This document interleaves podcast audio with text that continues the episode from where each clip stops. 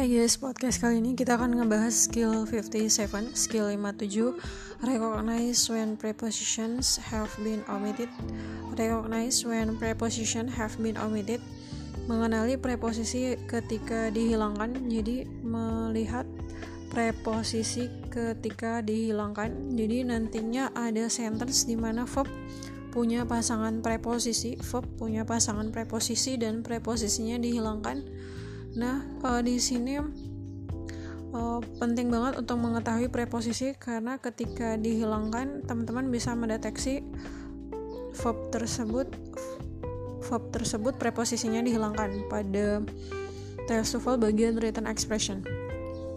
Uh, contohnya, example in the sentence misalnya can you wake me after the game? Can you wake me after the game? Await-nya diberi tanda bintang, maksudnya di sini hilang preposisinya. Harusnya preposisi ada di sini yaitu for. Di mana wait itu pasangan preposisinya adalah for. Jadi wait adalah verb yang punya pasangan preposisi for yang maknanya menunggu. Jadi kalau teman-teman bilang mau menunggu itu harus menggunakan preposisi for sebagai pasangan dari si verb wait. Adapun contoh berikutnya I plan attending the meeting. Jadi plan di sini merupakan verb yang nantinya diikuti sama preposisi juga yaitu on. I plan on attend, attending the meeting. Plan on maknanya berencana. Plan I plan on attending the meeting. Plan on maknanya berencana. Jadi pakainya on, preposisinya on.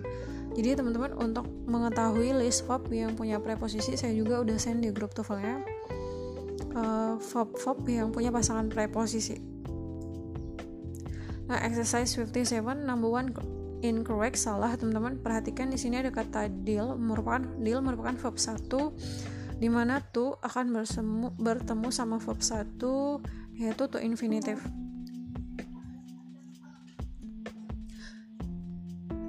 Deal sendiri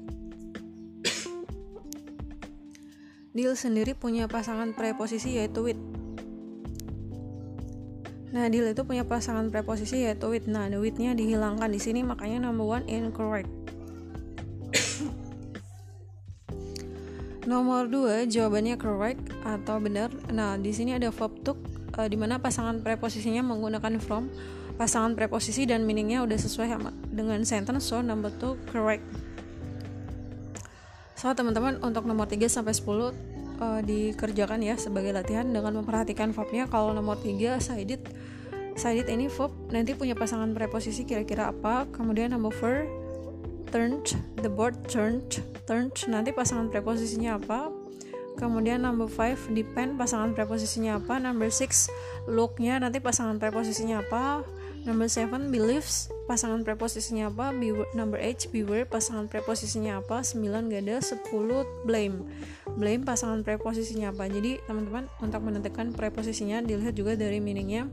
Jadi perhatikan pasangan preposisi dan meaningnya untuk mengerjakan nomor 3 sampai 10. Thank you guys. Answer key-nya di grup TOEFL teman-teman.